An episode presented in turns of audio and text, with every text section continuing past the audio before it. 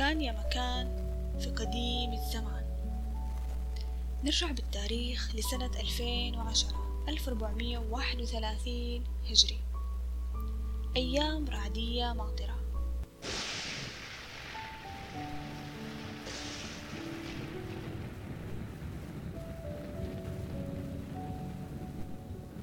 تبشر بدخول موسم الشتاء.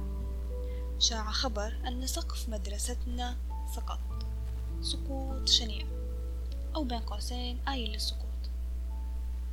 بدأت رحلة الإدارة في البحث عن مكان يأوينا من جديد ونقدر نكمل سنتنا الدراسية.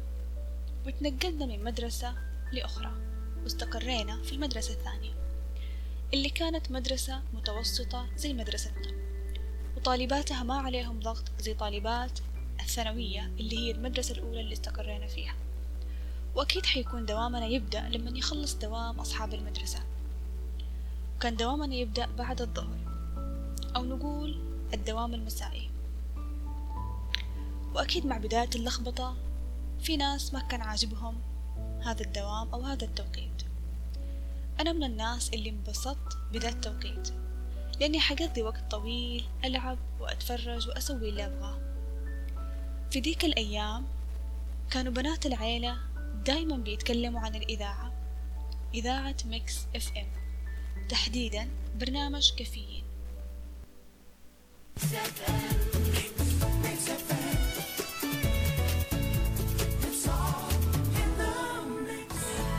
كافيين مع علاء ومر. شوف.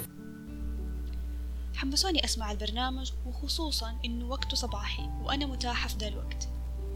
صرت أصحى الصباح أفتح الجوال وأشبك السماعة وأعلي الصوت. أسمع لمروة سالم وعلاء منصري أجهز اللابتوب عشان أتفاعل معاهم في الفيسبوك. ومن هنا ومن دي الفترة بالتحديد بدأ اهتمامي بالإذاعة. فترة المتوسط يمكن كانت بداية وعي إني أحب دي الأشياء. نرجع بالتاريخ لورا شوية. فترة الابتدائي. خلينا نقول في نص الابتدائي. واحدة من المواقف اللي أفتكرها إنه كنا في يوم من الأيام في الفصل دق باب الفصل وجات واحدة من الطالبات تقول للأستاذة إن المديرة والأستاذة الفلانية يطلبوا سماهر. نزلت معاها أشوف الموضوع اكتشفت إنه في مجلس أمهات والطالبة اللي كانوا مختارينها تلقي الحفل صار لها ظرف. ونادوني عشان أنقذهم وألقي الافتتاحية أو المقدمة. وغير الابتدائي لما كنت صغيرة كمان كنت أحب أمسك جوالات أخواني وأسجل فيها صوتي.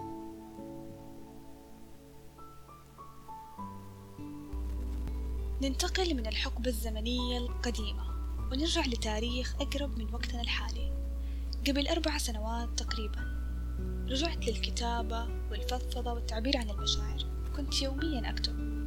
مرتني أيام تعبت فيها تعب إنفلونزا. فوقفت كتابة بس كنت أبغى وأحتاج إني أكتب أو أفضفض. جاء في بالي ليش ما أجرب التسجيل الصوتي اللي في الجوال وأسجل يومياتي. صار عندي بودكاست بيني وبين نفسي. المذكرة الصوتية صارت مليانة مواضيع. مرة بحمس نفسي ومرة أسجل. درس تعلمته ومرة بدندن ومرة بغني ومرة أعبر عن مشاعر تعب وخذلان. إذاعة مدرسية إلقاء تسجيل صوت بالجوال أو حتى إني أسمع للإذاعة وأتمنى أسوي برنامج زيها كلها أشياء متشابهة. أو نقول إنها تشبه البودكاستينج. حبيت في دي الحلقة أحكي حكايتي وكيف بدأت أحب البودكاست. وأكيد في أشياء حمستني. زي مثلا بودكاست أباجورة للبنى الخميس. وبودكاست كرتون كرتون لعبد الله وعمار. شخصين بيتكلموا بعفوية ويضحكوا ويشاركوا أشياء وتحليل لأفلام كرتون. بودكاست نوف النجمة اللي بتفضفض فيه وتعبر فيه عن مشاعرها. بودكاست جرعة لآمنة عزيز جرعة لكل الشغوفين في الأرض. حمسوني إنه ليش لأ؟ ليش ما أبدأ وأحكي وأتكلم وأسمع الناس صوتي؟ لكل واحد فينا نقطة بداية. تختلف أكيد من شخص للثاني وبتختلف الحكاية. ارجع بحياتك لزمن من الأزمنة وشوف إيش هي نقطة بدايتك.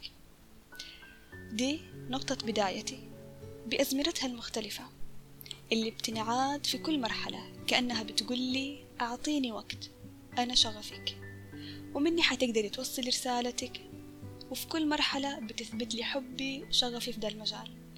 اللي دحين بحاول أمنتجها وأخرجها بالطرق اللي أقدر عليها أو بالإمكانيات الحالية المتاحة. أنا سماهر علي وهذا بودكاستي.